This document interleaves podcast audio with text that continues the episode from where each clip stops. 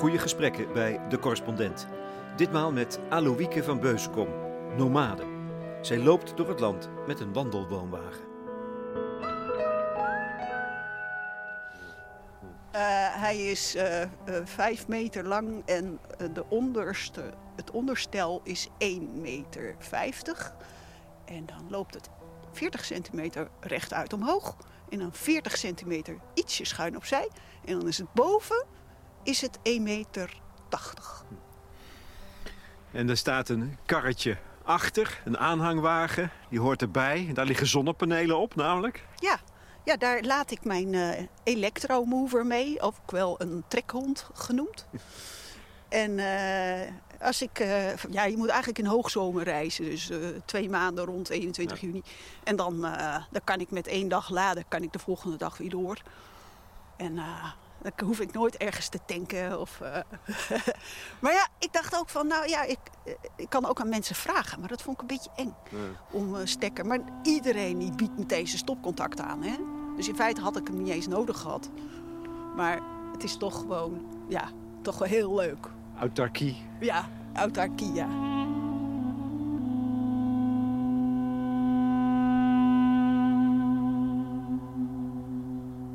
Het is een sprookjesachtig avontuur wat Aloïke van Beuzenkom een paar jaar geleden begonnen is. Leven als een nomade met een zelfgebouwde woonwagen. Wandelwoonwagen.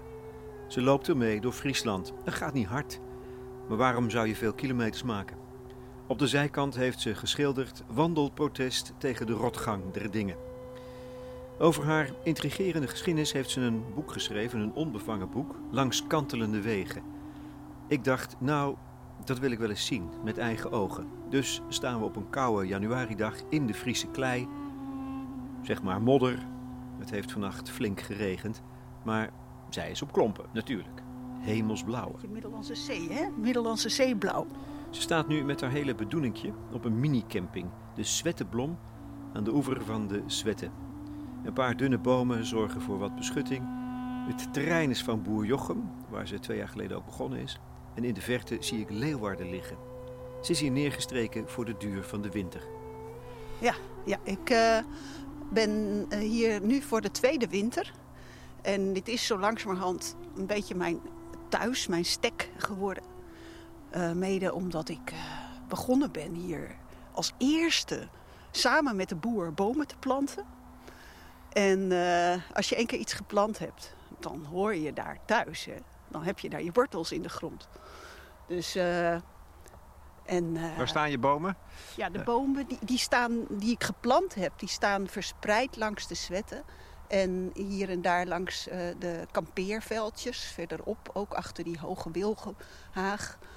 En daar zijn vooral bomensoorten die, die hier thuis horen. Hmm. En die goed voor de insecten zijn. Okay. En die allemaal verdwenen zijn. En uh, ik geef ze ook weg hoor. Als, het niet, als ik er te veel heb aan bomen, dan geef ik aan mensen om in een achtertuin te zetten. Wat me verbaast, Aloïke, is dat dit zo dicht bij de stad is. ik, ik zou zeggen, jij zoekt de wijde wereld. Maar daar zie ik gewoon Leeuwarden. En ik hoor de auto's over de snelweg jagen. Heb je daar geen last van? Nee, daar, daar ben je aan. Dat is uh, geen enkel probleem. Het is zo met die, met die wegen en bedrijfsterreinen. Uh, als je er één keer in zit en je gaat je gang... dan, dan, zie, dan is elke plek mooi en dan de achtergrond verdwijnt. Dat is de zee. En uh, ik zie hier ook allemaal kleine wondertjes. En ik kan hier elke dag in de zwetten baden. Dat, dat doe je ook? Ja. Nu nog? Ja, voor de eerste keer dit jaar. Dus echt... Het is hartstikke koud. Dat is te gek, man. Het is, het is tegen het vriespunt. Ja, ja en weet je, je raakt daar, je wordt zo helder, zo helemaal, uh, alles staat open als het ware. En er was van de week een keer, ik liet een pak geitenmelk vallen, wat open stond. En ik ving hem op zonder dat er wat uitging. Dat komt door dat bad. Ja? Ja. Omdat je zo scherp bent. Dan ben je zo scherp, ja. ja. ja. Zo, ik vind het sterk hoor. En stoer. Nou ja, dat zegt ook wel iets. Hier voel jij je thuis, hè? Ja, ik denk het wel. Ik, uh, dit is, ik, ik ben ook in de Noordoostpolder opgegroeid. En daar, daar zijn natuurlijk ook de horizon En ik heb het nooit beseft dat ik, dat, ik dat, dat, dat dat het is wat ik het fijnst vind. Rust. En rust is voor mij de horizon. Ruimte. Ruimte, ja. En dat je die luchten kan zien en dat je alles kan zien aankomen. Ja, dat is de magie van Friesland, vind ik ook. Ja, ja, ja. ja. En dan heb je hier de oude bodem en dat vind ik prachtig. Wat is dat? Nou, de oude bodem bij ons was in het Noordoostpolder. Oh ja, tuurlijk, ja. Ja, ik, was, ik ben van 65 en eh, toen ik opgroeide, toen was dat net allemaal nieuw. Dus er was niks nieuw, er was niks oud. Zelfs de mensen waren allemaal, er was, waren weinig oude mensen. En, en ik ben altijd als kind al jaloers geweest over die grens daarachter de Noordoostpolder. En dan, al die mooie wilde bermen en daar begon het leven eigenlijk pas, hè. Ja, maar ja, onmiddels is de Noordoostpolder ook prachtig. Oude bodem. Ja. Terrein van boer Jochem, dat is wel een speciale gast, hè? Ja, ja, dat was een van de eerste biologische boeren hier. En eh, die eh, op acht hectare grond eh, en een paar koeien zijn bedrijf voerde. En eh, een eigen zuivelbedrijfje had. Heel lekker schijnt dat geweest te zijn. Maar hij is nu met pensioen. Hij is 71. Ja, hij gooit nog wel altijd. Op de ouderwetse manier balen. En met drie mannen op een kar en dan sjouwen en tillen en alles op de berg gooien. Dat is een verzet tegen de vooruitgang. Ja, ja zo, zo hoort het eigenlijk, hè, vindt hij.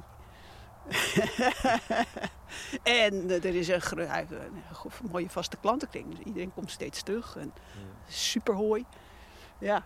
Een super plek om te kamperen ook. Dus nu is het leeg. Ja. Jij bent de enige? Ik ben... eh, nee, nee, er wonen hier nog... eh, er zijn hier nog een stuk of acht mensen. Oké, die verschuilen zich achter daar de, de andere, die hoog oprijzende populieren. Ja, daar in de, achter het volgende veldje. Ja. Ja. in die bomengroepje. Daar zitten overal huisjes in verstopt. Ja, en daar eh, is ook een algemene zwemplek en met een hele grote oude wilg en een touw eraan. En daar slingeren de kinderen aan in de zomer en zo. Hier woon je? Ja. Dit is alles wat je bezit? Ja, dit is, eh, ik heb eh, zo lang geselecteerd dat ik alleen nog maar het hoognodige overhield. En eh, dat is eh, ook, ook, ook geen eh, hok ergens ver weg waar ik dingen stal die ik niet kwijt wil, die vervolgens na tien jaar eens een keertje opduikelt en dan is het ook niks meer. Ik weet inmiddels dat dat zinloos is. Dit is het. Ja, In, in jouw boek verwijs je naar eh, Seattle. De beroemde toespraak van de, de Indianenhoofdman. Wie, Ja. wie kan de lucht bezitten? Volgens mij is dat een cruciaal moment geweest voor jou. Ja. Ja, ik heb... eh, er waren eh, twee inspiratiebronnen. Dat was eh, eh, Seattle en gedichten van Tagore. En die filosofie daarachter. En dat had voor mij dezelfde sfeer. Dat bezit, eh, eh, daar moeten we van af. En ehm, dat is het, het, het, ergste wat er is. Want dan raak je de verbinding met de natuur kwijt. We hebben te maken met de zorg voor aarde, voor grond. En verantwoordelijkheden. En eh, ja, oude inheemse volkeren hebben, die, hebben nog dat... Pimpelmeisje. Die hebben dat nog... eh, eh, dat ze eh, als gezamenlijk, als, als, als familie... eh, een heel groot terrein kunnen beheren met elkaar. Die hebben al die verbanden nog. Maar wij hebben dat niet meer. Dus we moeten daar toch op zoek naar hoe we dat dan moeten doen. En voor mij is het klein leven en geen huis hebben, geen grond, geen erf. Dat maakt voor mij dat ik als een rollend balletje, eh, waar ik ook ben, om me heen kan kijken en me aan kan passen aan wat er daar nodig is. En eh, daarom wil ik gewoon zo weinig mogelijk bezit, want dan ben ik weer met mezelf bezig. En dat, elke keer gebeurt dat. Ook, ook eh, ambities zijn daar heel storend in. Soms denk ik wel eens, oh, ik kan veel meer. En dat moeten de mensen ook zien. Maar dan denk ik, ja, maar dan zit ik straks met allemaal afspraken en verwachtingen vooral. Hè? En dan kan ik niet meer om me heen kijken, want dan zit het hele programma weer vol. Dus je hebt alles eigenlijk losgesneden, alle banden zou je kunnen zeggen. Ja. In feite ben jij een nomade nu. Ja, ja ik ben een nomade. Eh, aanvankelijk wou ik eh, een, een, een, reis gaan maken en veel zien. En schrijven, tekenen, eh, de landsgrens langs. Maar die, die reis werd steeds kleiner naarmate dat ik op weg ging. Want ik loop maar drie kilometer per uur en ik had heel veel mensen die ik sprak. Want iedereen staat stil en wil iets zeggen of vragen. En toen dacht ik, ja, maar de, afstand uh, maakt het alleen maar min, minder, oppervlakkiger. Als ik de diepte in wil, dan moet ik hier blijven. En, uh, vertragen. Ja, vertragen. Ja, en tegelijkertijd maakt dat dat ik dat. Want ik, ik verlang ook om, om te kunnen wortelen, om die bomen te planten en kruiden en te zien wat er volgende winter gebeurt met dat winterkoninkje die nou onder mijn dak slaapt. En of die er dan volgend jaar weer is. En als ik wegga, dan denk ik, oh, hoe zou het nou met dat winterkoninkje gaan deze winter? Ja, dat is wel een spanning, hè? Ja, ja, maar weet je, vroeger die eh, nomadenvolkeren, die, zwierven ook op van plek naar plek. Dat was een bepaald gebied en ze hadden vaste plekken waar ze steeds terugkeerden. Dus die, die hadden daar ook een band mee. Dus die waren in zekere zin ook geworteld. Ja, dat geldt voor jou dus ook. Want je staat nu voor de tweede keer hier in de winter. Ja. Min of meer vast. Nou ja, niet vast. Je kan zo weglopen. Ja, precies. Maar ja, ik, ik blijf hier natuurlijk. Ik, sta, ik, zo, ik kan niet weg. Ik kan wel weglopen, maar niet rijden. Want dan zit ik meteen vast met de wielen in de zompige modder. Ja, dat is onhandig gekozen. Nou ja, expres. Hè. Zo van, nou, hier blijf ik. En ik ga niet weg voor het droog is. En dan geef ik me over aan de, de omstandigheden. Ja, nou dat, dat is het dan. En nu sta je een beetje beschut tegen de bomen. Ik heb wel ijskoude handen en vingers. Ja, Zullen we naar binnen? Dus, uh, eigenlijk moet je in een woonwagen altijd, altijd je schoenen uit. Ja, ik ga mijn schoenen uitdoen. Ja, ja dat moest ik ook leren om dat tegen iedereen Nee, maar dat had ik al begrepen. Want bovendien, ik heb echt nu bemodderde poten. Ja. Oeh, ik heb het ook koud. Ja, we staan een kwartiertje in de wind en dan heb je het echt ijskoud.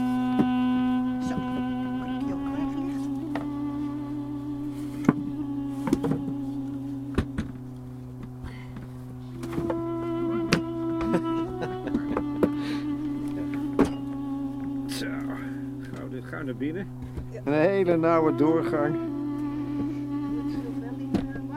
Ja, dat begrijp ik. Zo. Oh, de warm. warme kachel hier, zeg. Een ouderwetse... Salamander. Een salamander? Ja, salamander. Waar heb je die op de kop getikt? Die kwam uit de lucht vallen, min of meer.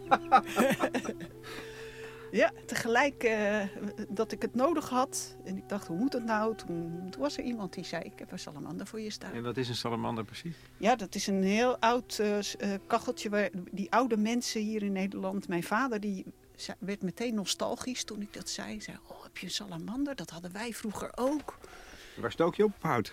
Ja, ik stook op hout. En... Er zat een theepot op, natuurlijk. Ja, ja, dat hoort hè. Altijd water. Dat heb je altijd. Uh... ja, ik uh, doe even mijn jas uit. Ja. Jij gaat niet zitten? Nee, ik heb mijn linkerbil verbrand aan de kachelpijp. Oké, okay, nou dan kom ik naar jou toe. Ik heb mijn linkerbil aan de kachelpijp verbrand. de kachel was langzamerhand iets naar, naar het midden gewandeld. En je bent gewend aan bepaalde afstanden. Oh ja. En dan buk je even en dan is dat ineens niet meer zo. Ja. En dan, whoosh, dan heb je zo ineens een, een grote plek. Ja. Je, kan, Met, je kan nu niet zitten. Nou, dat staat het een beetje strak. Dat is niet fijn. Oké, dus je gaat, blijft de hele dag staan? Ja, ik sta de hele dag, maar daar ben ik gewend. Ja? Ik, ik, sta heel graag, ja. Ja, als je vooral met uh, achter de computer sta ik altijd. Ik sta te tekenen. En dan, uh, dan, blijf je, dan ben je gewoon lekker moe aan het eind van de dag. En veel fitter. En je houding is veel beter. En je ademhaling. Ja. Het is heel klein, hè? Maar je hebt ruimte genoeg voor zoals jij leeft. Ja. Ja, ik heb... Uh, alles wat ik eh, nodig heb. Ik heb in een werfkelder gewoond, onder de grond. Met een hele grote boom voor de deur. Die was wel heel mooi, maar In Utrecht was het? in Utrecht, aan de Oude Gracht. En daar was het heel donker en vochtig. En eh, in alle opzichten is dit voor mij het huis wat ik verlangde na die plek. Klein, geen 150 vierkante meter, die je nooit warm krijgt. En licht, ik kan gewoon voor het raam gaan tekenen. En dat is, eh, nou, dat is paradijselijk. Vrij is dat. Ja. Ja, je, je- Ja, ja ik heb ehm, altijd gekozen om mijn eigen ehm, authenticiteit te kunnen bewaren. En elke keer als ik ergens succes in had, bijvoorbeeld als tekenaar, nou, ik kon carrière maken. En dat heb ik toen niet gedaan. Ik ben toen, ik, ik ben een andere, eh, eh, mijn vriend toen, die zei van, eh, er is een, ze gaan een statenjacht bouwen. En kan jij nog aan meedoen. Ik denk, laat die carrière maar zitten. Ik ga nou lekker dat schip bouwen, weet je wel. Nou, daardoor heb ik toen eh, alles geleerd over houtbewerking. En toen kon ik en tekenen en hout bewerken. nou, wat wil je nog meer? En de volgende stap is dat je een woonwagen bouwt. Ik kon het ontwerpen. En ik had de vaardigheden om het ook nog eh, tot praktijk te brengen.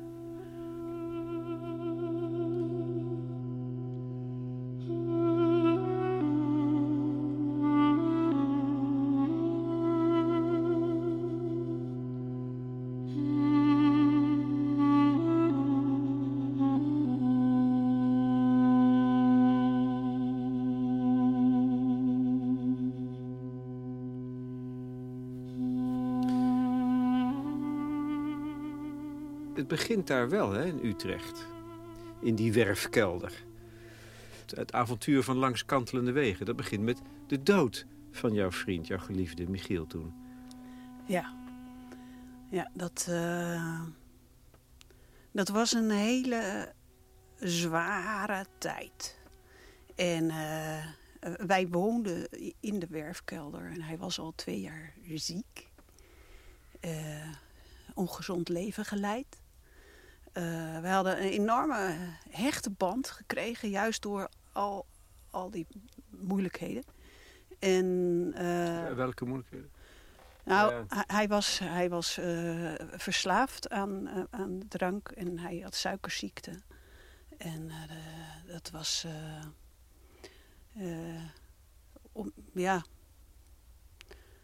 En hij wou eigenlijk. Hij, hij wou met mij oud worden en daar heeft hij keihard voor gevochten. Elke keer weer opnieuw heeft hij weer geprobeerd een afkikpoging te doen. Maar ja, goed, zijn lichaam stond al op de slooplijst. Dus eh, ja, er was gewoon geen begin meer aan. Hoe, hoe, hoe ervoer jij dat? Hoe ging je daar dan mee om? Hoe keek je ernaar? Hoe ging je ermee om? Ik was altijd hoopvol. Ik was altijd overtuigd van we gaan het, we gaan het redden.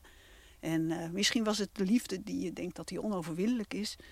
Maar uiteindelijk, eh, ja, haalt de dood je, je toch in. Ik, ik heb ook beseft van hij was er ook voor mij. Omdat hij degene was, het puzzelstuk van mijn leven.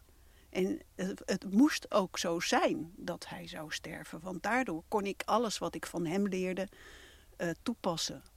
Bovendien, we wouden een reizend bestaan gaan leiden. Maar hij kon geen afscheid nemen. Hij had een kelder, twee kelders, 300 vierkante meter vol spullen. Die kon hij niet kwijt.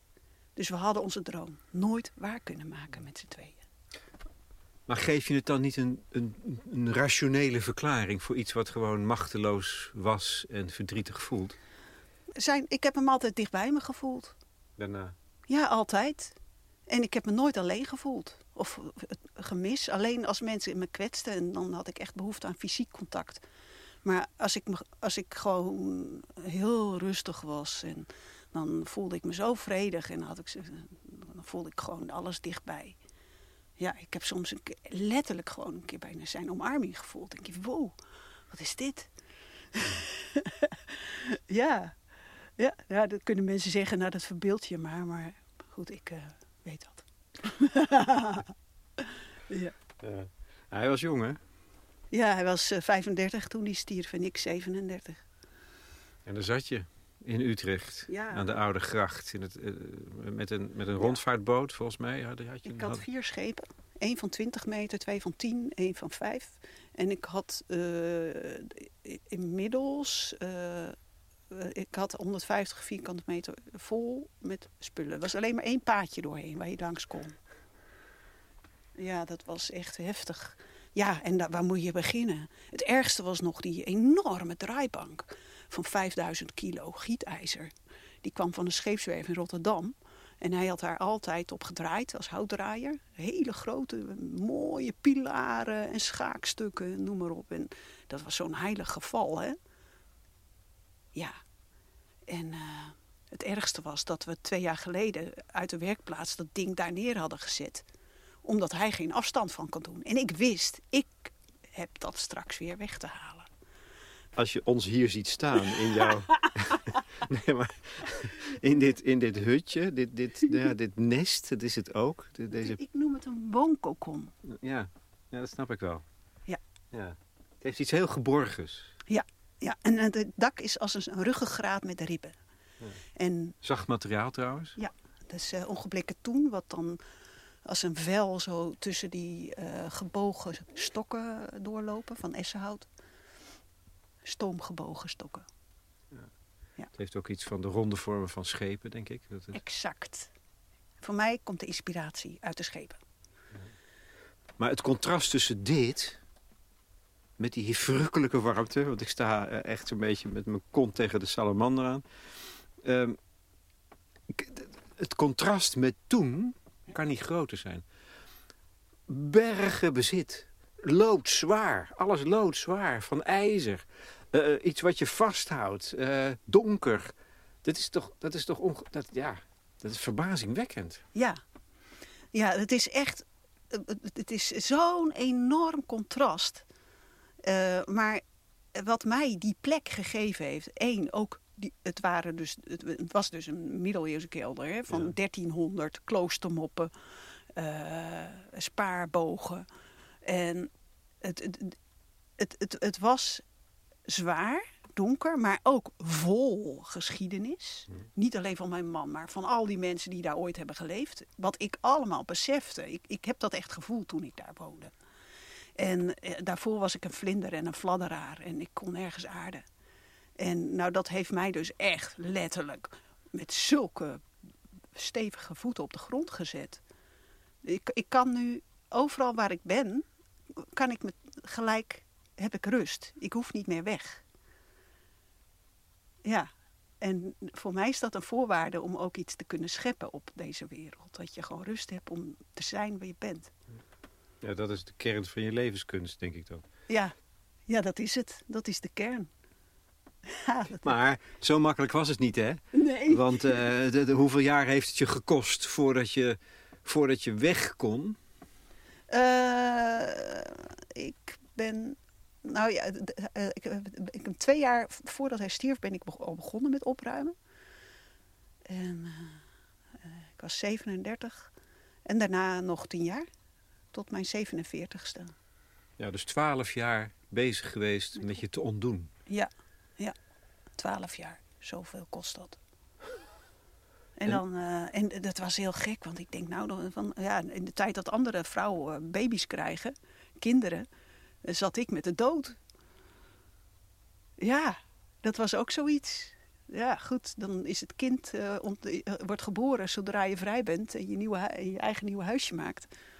En dan, Ja, ja. ja, Dat is zoals je dit ziet. ja, zo zie ik dat, ja. Want ja. daar ben je vervolgens ook nog eens, ik geloof zes jaar mee bezig geweest. Hè, met het bouwen dit, van dit huis. Deze woonkokon.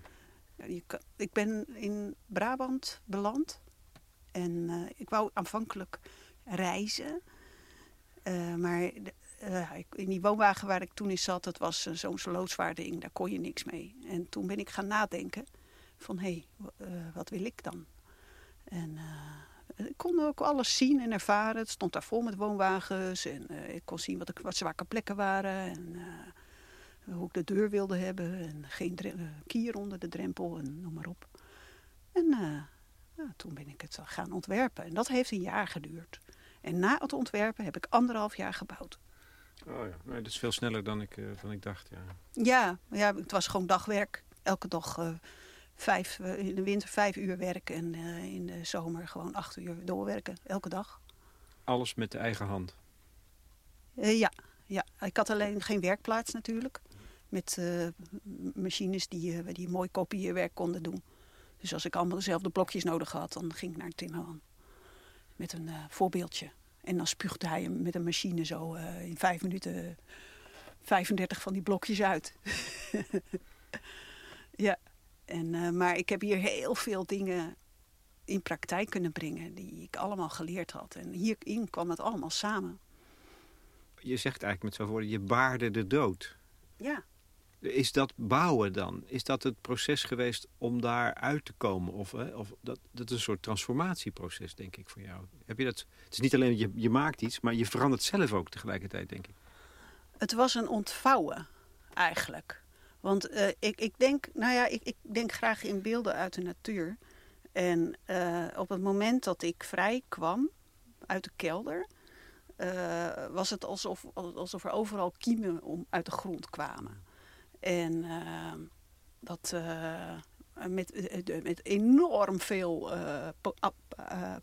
levenskracht, zeg maar. En dat, daarmee kwam dat ik op een plek was waar helemaal stil was. Er was verder helemaal niemand.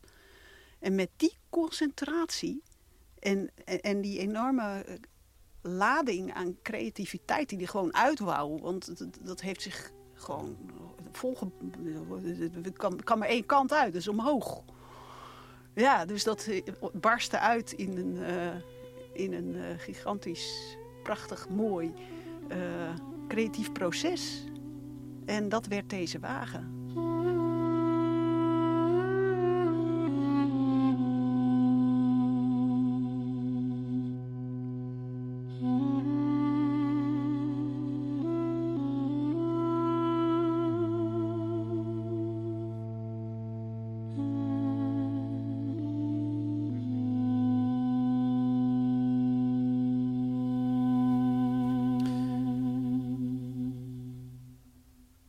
Je vrij?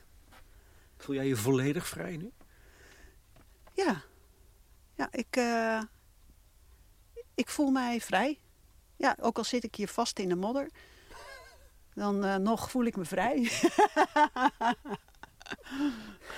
ja. ja, het is ook het, het overgeven aan wat er is. Dat, dat, daarom voel ik me vrij.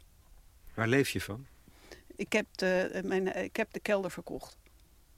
En uh, in, vijf, in uh, een half uur. Oké. Okay. Voor hoeveel? Mag ik dat vragen?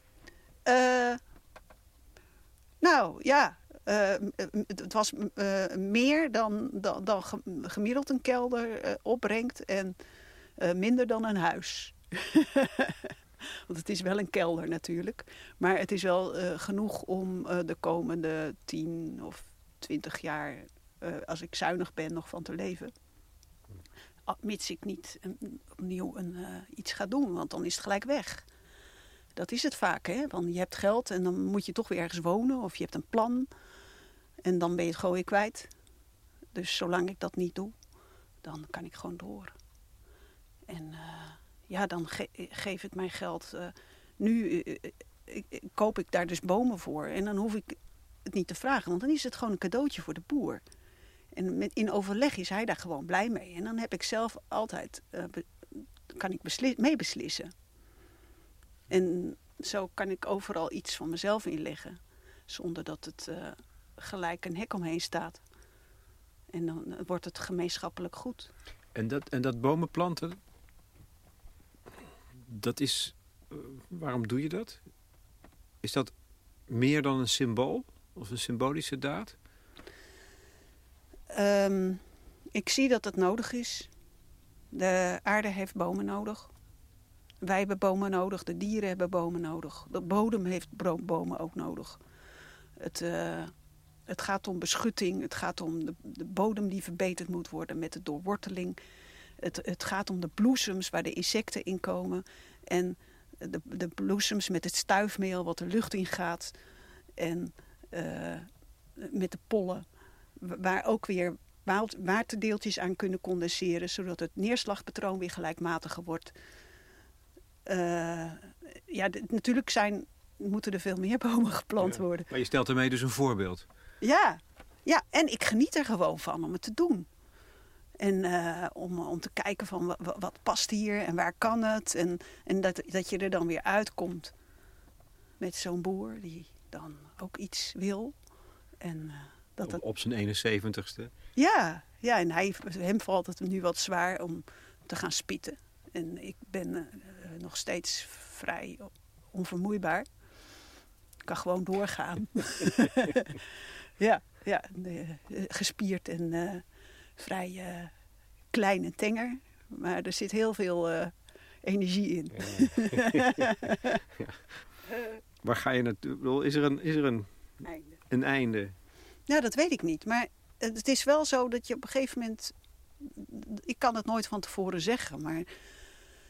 Er kan een moment zijn dat ik denk: oké, eh, hier gebeurt nou iets waardoor mijn taak voorbij is. En eh, ik, ik hoor bij een beginfase van, van een proces. En dat, dat ik met mijn enthousiasme en energie eh, en geduld ook iets aan kan slingeren. En op een gegeven moment kan het zijn dat, dat er gewoon dat het draait en dat ik denk, nou, ik hoef hier niet meer te zijn. Een soort vliegwiel voor Ja. Nou ja, de transformatie van de manier waarop wij met, met eh, de aarde omgaan, hè, denk ik. Ja, ja, dat. Ja. En als iedereen daarin zijn, zijn eigen kwaliteiten zou kennen, dan zouden we daar heel veel mee kunnen doen. Maar dat bedoel je ook met die letters, die, die woorden die nu weggeschilderd zijn. eh, eh, wandelprotest tegen de rotgang der dingen. Ehm, die, die rotgang, waar, waar zie jij die? Ehm, de rotgang is dubbel. Het is de snelheid waarmee alles gaat, waardoor we niks meer zien. Gewoon alles eh plat rijden. Of overheen rijden of langs rijden. En het is eh, ja, de rotgang. Ehm, mensen hebben daar onderweg natuurlijk allerlei dingen aan opgehangen. Vele verhalen over gehoord. En eh, ja, de, boeren die hebben daar hun eigen eh, de dingen waar ze aan denken. En, eh, Ja, dat zijn eigenlijk denk ik twee groepen. Je hebt, er is de groep van de boeren, ja. waar je mee in gesprek bent, als het ware. Van hoe wordt hier landbouw bedreven? Dat is één speerpunt, zou je kunnen zeggen. En ja. De andere is gewoon de, de burgers die eh, voedsel betrekken van boeren en eten. Dat zijn eigenlijk de twee groepen die je aanspreekt, zou je kunnen zeggen. Ja, ja. En eh, het is ook. De, de, er, er zit een, een kloof tussen, omdat eh, de boeren voor de markt produceren op grote schaal. En de burgers eh, die, die kopen het in de winkel. En dus een directe verband met het voedsel is er niet. En dat zou er moeten zijn. Dat zie ik als heel belangrijk. Dat, Dat we snappen hoe het gemaakt wordt, wat het kost, hoe je het moet doen. En dat we degene kennen die het verbouwt. Waarom? Dat- Dat, eh, dat, ehm, dat maakt dat het vertrouwen terugkomt. Dat we, we beseffen hoe het groeit. eh, wat het hele proces is om het bij ons bord te krijgen. En dat we dat respect weer terugkrijgen. Want dat vind ik echt eh, ongelooflijk ja, waanzinnig eigenlijk. Dat dat er niet meer is. Dat mensen niet meer beseffen wat dat betekent, zo'n bord met voedsel. Wat er allemaal voor nodig is geweest. En dat dat eh, eigenlijk gewoon eh, respectloos is om dat over de hele wereld te, te, te- voor het geld. En om, om daar eh, te gaan. Of, ja, dat het, op, dat het een handelspro, handelsproduct is geworden. En dat is, dat, daar staat je, je vertraging ook voor, denk ik. Ja, dat is de, de vertraging om, ja, om weer te zien van wat, wat doen we eigenlijk? Ja, corona is ook goed. Juich je toe. Ja, ja, eigenlijk wel, ja. ja, ja, ik zie Je zelf... durft het bijna niet te zeggen. Want er, zijn, er, gaan, ook, er gaan ook mensen dood aan. Ja. En, en de mensen in de zorg moeten ongelooflijk bikkelen om het hoofd boven water Ja, te houden. dat is vreselijk. Dat is de andere kant van. Ja, maar goed, ik heb dat zelf toch ook meegemaakt. In feite was die hele de- de periode voordat ik dit kon doen één grote lockdown. Ja. Met de dood erbij. Maar ik heb die dood wel omarmd. Ik heb niet gezegd het hoort er niet bij. Nee, het hoorde er ook bij. En het heeft mij wel gebracht waar ik nu ben.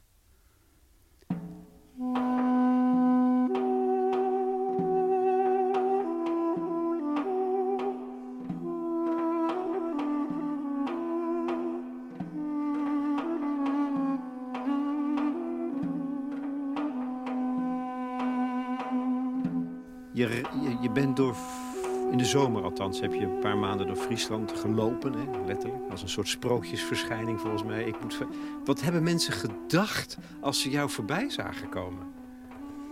Ja, heel veel verschillende dingen.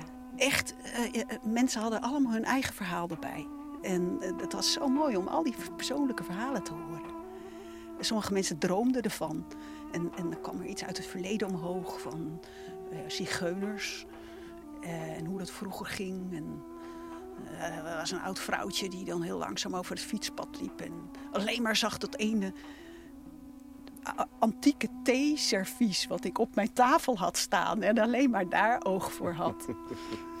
en, eh, maar ook een keer dat een, een meisje in serveerster in uniform naar buiten kwam. En voor ik was aangekomen, stond ze al op de stoeprand te wachten tot ik kwam. En eh, nou, die zat midden in een crisis. Ze had haar vader net verloren. En ze was aan het nadenken over haar leven. En haar zoon die had gezegd van ja, het leven is lijden. En het is alleen maar van loonstrookje naar loonstrookje. En die kende geen spelende moeder. En, eh, en, en toen raakte ik met haar in gesprek. En toen zei ik, is het niet, gaat het niet om het spelen in het leven?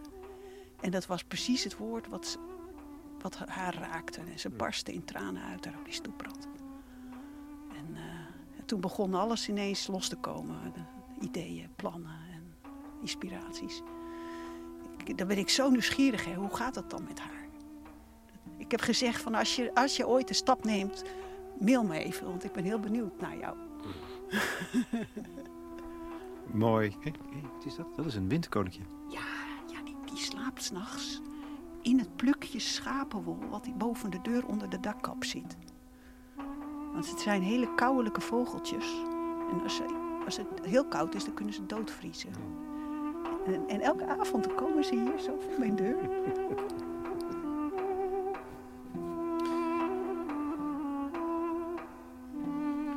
Hilarisch is het verhaal dat op de dag dat je hier, vandaan vertrekt, volgens mij. eh er komt SBS 6 filmen. Nou, hoe, waar, waar, waar strandde je?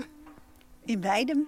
In Leiden, ja, maar het ging toch meteen kapot? Oh, nou ja, weet je, ik was, ik, ik was er nog niet over uit eh, hoe ik, eh, hoe ik de trekhaak op zou hangen. Want daar zit ook mijn bagageruimte achter. Dus dat moest iets zijn wat ook weer los kon, want anders kon ik er niet meer bij. Dus ik had er een balk in gezet. En die balk, daar zat een koppeling aan. Maar die balk zat los in het frame. En het was voor mij, ik denk, nou, we gaan gewoon zien hoe dat werkt, hè. Want ik wil gewoon dingen zien. En dit hoeft, eh, kijken wat er gebeurt. Maar ja, die presentator die was natuurlijk gewend dat alles is zoals het hoort. En eh, dus die, die, die, eh, wist helemaal niet hoe, hoe hij het had toen ineens die balken uit de versponning sprong. Na 10 meter. ja, nee, maar dat is weg vol kuilen, hè. Dus ja, de eerste diepe kuilen, hoppakee, daar ging die al. Ja, daar stonden ze met een film, filmploeg klaar om... Al die mannen, hè. Drie mannen om me heen. Maar dat wou ik even zeggen. Dat, wat, wat gebeurde er vervolgens? Nou, die mannen die gingen met elkaar staan praten hoe dat opgelost moet worden. En ik stond aan de kant. En ik zei van, nou, ik laat dat maar even. Ik los het wel op. Oh, snap je het dan? zei een van de mannen. Ik zei, ja, ik heb dit huis zelf gebouwd. Oh, oh, oh, oh, oh. Lang leven het matriarchaat. Ja. Dat, dat bewijs je ook nog een beetje, volgens mij. Zeker. Ja, dat, is, dat vind ik ook leuk hoor. Ja. Ja. Het is toch eh, ook mijn postuur. Hè. Ik ben natuurlijk gewoon, eh, om te zien, een klein meisje. En eh, dat, daar verwacht je het helemaal niet van. Dat dat dan toch uh, zoveel in zit. hier, hier. Wacht even, ik doe één ding. Ik doe even het warmtepaneel. Want het is nu aan de voet begint het al koud te worden. Oh. Zo. En dan vind ik het lekker om even wat luxe. Zo. Kijk. Staat er weer een, weer een speciaal. Oh, kijk. Je hebt stroom. Ja, ik heb uh, nu stroom van de camping. Ja. Maar ik heb ook uh, panelen op mijn dak zitten voor het huishouden. Precies, ja. Er staat een panfluit trouwens. Zie ik nu. En ja. een, een mes, een mooi mes. Ik heb het gevoel dat alles wat hier staat, hangt, gebruikt wordt, verstopt is, dat dat betekenis heeft. Tot in de kleinste details, denk ik. Maar ja. dat gevoel krijg ik wel zo langzamerhand. Wat ligt hier? Hier ligt nou bijvoorbeeld gewoon een paar, paar blaadjes. Ja, die heb ik geplukt toen jij aankwam rijden. Uh, dat is uh, smalle weegbree. Ja. En daar maak ik tegenwoordig vaak thee mee. Ja, zie je? Het is goed voor de longen. Dus nu, dus nu mensen met thee maken van weegbree. ja, zeker nu. Dan gaat het in de pot die op, het, uh, op de kachel staat. Um, je, bent, je, komt mensen tegen, je haalt verhalen op, je verzamelt ze, vertelt ze weer door, um, ontsteekt iets in mensen. Maar hoe zit het dan met die andere groep, de boeren? Ik denk dat jij ervan overtuigd bent dat de boeren anders moeten gaan uh, uh, boeren. Ja, ik ben daar heel lang mee bezig geweest. En uh, volg ook verschillende nieuwsbronnen daarover. En vrienden ook in mijn kring. Die daar op politiek opzicht ook mee bezig zijn. En uh, het is uh, een heel moeilijk en verhaal. Ja. Ja, en ik, ik, het, het is dus 70% van de boeren wil helemaal geen schaalvergroting, maar zien geen andere mogelijkheid. Ze staan met hun rug tegen de muur. En dat is, dat is zo gegroeid. En er zijn allerlei momenten geweest dat er aan de bel getrokken is. Van het kan niet langer zo. Maar dat, dat daar niks mee gedaan is. En nu is, de, is dit is de kind van de rekening. Maar ja, in feite is dit hele verhaal al uh, eh, 4000 jaar geleden begonnen. In uh, het gebied van uh, Egypte. Want daar komt deze vorm van landbouw vandaan. Met het spitten, het, het ploegen, kaal maken. En, de grond uitputten. De grond uitputten, ja. Ja, ja. daar komt, uh, daar, ja, men zegt wel dat de zonvloed daar uh, uit de Bijbel, dat dat eigenlijk een verhaal is wat in, in, kleine vorm hetzelfde is als wat nu hier gebeurt. Dat het klimaat uh, ontregeld was. Dat het een waarschuwing is voor deze tijd. Want dat, zo zie je het wel. De, de, de, de manier waarop er hier in Nederland op deze uitgestrekte velden geboerd wordt, dat heeft, heeft ook een relatie met klimaatverandering. Ja, ja het, is, uh, het, gaat over allerlei dingen. Uh, enerzijds de, de, de, bodem die uh, uitgeput raakt. Eh, de koolstof die steeds minder wordt. Het, het, wordt ook los, het, het, houdt niets meer vast. de voedingsstoffen verdwijnen. En, en tegelijkertijd ook al die bomen die, die gekapt zijn. Dus het, vermogen om, om, om, om, om voeding en vocht vast te houden verdwijnt steeds meer. Elk jaar komt er een, een stuk grond uh, ter grootte van Italië. Uh, gaat op de, door deze foute manier van landbouw om in woestijn. Dus in feite ja, waardeloos. Ja. Ja, en snel. Ja. ja. snel. Ja, en ja, dan is kunstmest is dan een manier om het gewoon te blijven uh, door te gaan. En, maar dat, uh, ja, dat houdt natuurlijk ook een keer op. Dus. En, en je zegt 70% van de boeren zou eigenlijk niet zo willen. Niet met, een van de oorzaken is de schaalvergroting. Waardoor je in een soort spiraal komt van allemaal maatregelen en investeringen, et cetera, et cetera. Um, ben je daar tegengekomen? De, dus ook het verlangen om, om het anders te gaan doen? Um, ik ben een boer tegengekomen, die, twee boeren, die, het, uh, die om zijn gegaan. En uh, de ene was al acht jaar bezig en dat ging hartstikke goed. Hij was, had, hij was veeboer en hij had andere soort vee gekozen. koeien die buiten konden tegen weer en wind, die tegen een stootje konden. En eh, die liet hij grazen in een mooie kruidige wei. En hij had de farmaceutische, industrie gedag gezegd. Want hij, kon er, hij had en zorgde voor de juiste kruiden in de wei, zodat ze gewoon dat kregen wat ze nodig hadden. En als het wat moest, dan deed hij het zelf met, uh, met uh, zijn eigen natuurlijke middelen. Wat hij een kast vol had met medicijnen en kruiden. En uh, hij, hij was heel enthousiast daarover. Dat was zo leuk.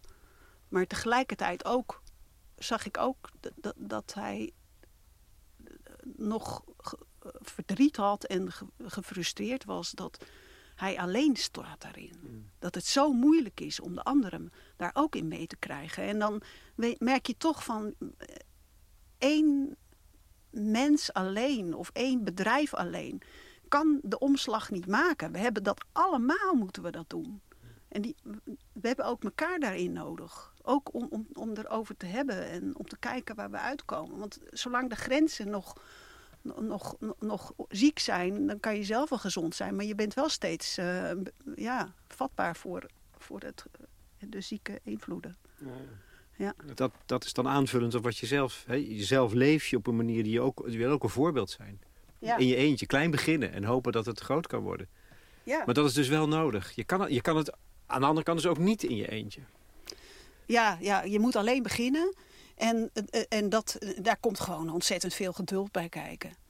En uh, dat, oké, ik doe nu wat nodig is, maar ik moet niet verwachten dat ik morgen ook de rest van de wereld erbij heb. Maar dat gaat ook voor de boeren die wel omgaat. Ja, ja, dat is ook allemaal geduld. Maar ja, de boeren zijn natuurlijk sowieso geduldige mensen meestal. Maar... maar... je ziet het nog niet massaal gebeuren. Je ziet het spaarzaam gebeuren en, en je nou- hoopt dat, het, dat er veel meer overstag gaan. Kan dat ook? Nou, eh, er zijn wel uh, groepen die heel, waar veel gebeurt. Bijvoorbeeld de groep toekomstboeren. veel al jonge, jonge boeren met heel veel zin om met elkaar dingen te veranderen. En ook coöperaties die opduiken, zoals community supported agriculture, de herenboeren. En dat worden er steeds meer. En dan hebben we nog niet eens over de buurtuinen, die ook heel populair zijn. En, moestuinbalkons en vierkante meter tuinieren. En er zijn tal van vormen van mensen, die, die, hoe mensen bezig zijn. Dus het kan? Ja, ja, ja.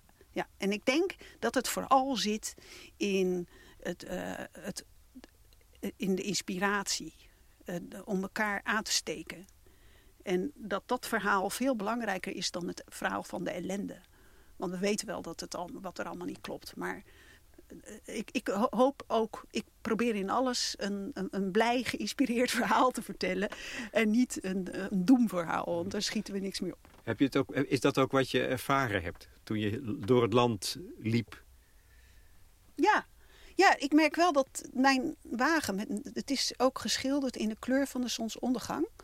Dus de onder, onderste is, is de, de weiland met, met paarse kleuren van bloeiend gras en glinstering van plassen. En daarboven wat lila.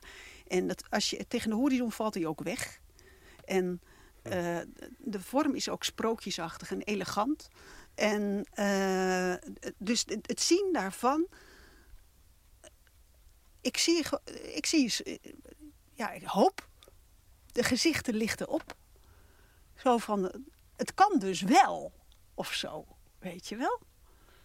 En uh, gewoon een soort, uh, terwijl alles... Uh... Ja, dat is wat, wat ik, in je boek komt het regelmatig voor. Er stoppen mensen in een auto, het raampje open, nou ja, dat, dat tafereel alleen al. Ja. En dan zeggen, goh, dat zou ik ook wel willen. Ja. Maar dat heeft ook iets heel treurigs. Je? Als je het, ja. want je weet, de manier waarop, waarop ze het zeggen, denk je, ja, dat ga je dus nooit doen. Ja, dat, dat vraag ik me dan af. Ik denk dat, wellicht doen ze het wel. Maar ja, ik, ik heb toch ook een hele lange periode gehad, nodig gehad. Uh, om, om, om, om, om, om alles te verwerken. En eh, je, je kan iets bedenken en, en, en het verdwijnt weer en, uh, in de stroom. En, en 15 jaar later duikelt het ineens weer omhoog. En ik denk wel dat dat soort zaadjes op de lange duur weer, weer boven komen. Nog één ding. Tot slot. Ehm, ik, ik trek ook wel eens door het land, maar niet, niet zoals jij, maar op de fiets voor de radio. Vijf dagen. Nou, dapper. Ehm, wat mij het diepste raakt bij die tochten, en vaak erg hevig ontroert, is de gastvrijheid die je ontmoet. Wat is jouw ervaring? Ja, dat heb ik ook. Ik, uh, ik had, had nooit. Ja, mensen hadden het wel verteld dat het zo was, maar ik was helemaal uh, uh, onder de indruk daarvan. Iedereen die, die, die nodigt je uit. Bijna iedereen. Je, hoeft nooit bang te zijn dat je ergens niet, niet terecht kan. Ja, en met kom, borrelen in de tuin met het hele gezin. En kan er terecht om een, een, telefoon te laden of, of, of, als, of, ik iets nodig heb. Of je uit de modder te trekken. Uit de modder te trekken, ja. Of als ik een helling niet opkom, dan komen ze al naar buiten zetten. Ik hoef niet eens aan te bellen van ja, ik dacht al, je komt vast die helling niet op. We willen je wel even trekken hoor. nou, dan kom je daarna had ik, uh, kwam, moest ik even bellen. Dus ik kwam in een huis met een, een man die gehandicapt was en met zijn been op een tafel lag. En hij zei, ja, daar ligt de telefoon, daar kan je wel bellen. En uh, hij zei van, ja, ik had het wel gezien, hè. Ik had het al gehoord van, je kon die helling niet op, hè. Dus voordat ik... Dat, dat nieuwtje was al in het hele dorp doorgegaan, hè. Ja. ja, dat is mooi van het platteland. Ik hou daarvan. Ja. Gemeenschap. Ja, de gemeenschap, ja. Dat, uh, ja, goud. Ja, zij de nomade. Die altijd maar rondtrekt. Ja. En als het maar even ergens is. Ja, maar wel terugkeert. Want uh, ik ben nu hier teruggekomen voor de tweede keer. En dat maakt uh, het, het wel waardevol. En ik zit eraan te denken om dat gewoon... Om, ja, om, om het niet verder te zoeken. Om hier in Friesland te blijven. En weer terug te keren. Want het is zo mooi als die mensen dan naar buiten komen en zeggen: Hé, hey, ben je daar weer? De nomade is iemand die nooit vertrekt. Het is een filosoof die dat heeft gezegd. Dus nooit het gebied verlaat. Ja. Ja, dat denk ik ook.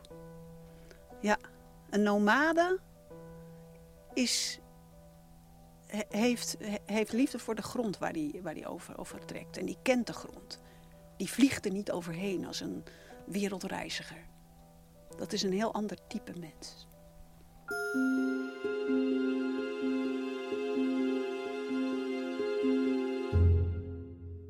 Aloïke van Beuzenkom in gesprek met Lex Bolmeijer voor de correspondent. Lees over haar wandelprotest tegen de rotgang der dingen in haar boek Langs kantelende wegen. Het is uitgebracht door uitgeverij Louise. En laten we erover doorpraten. Dat kan op onze site.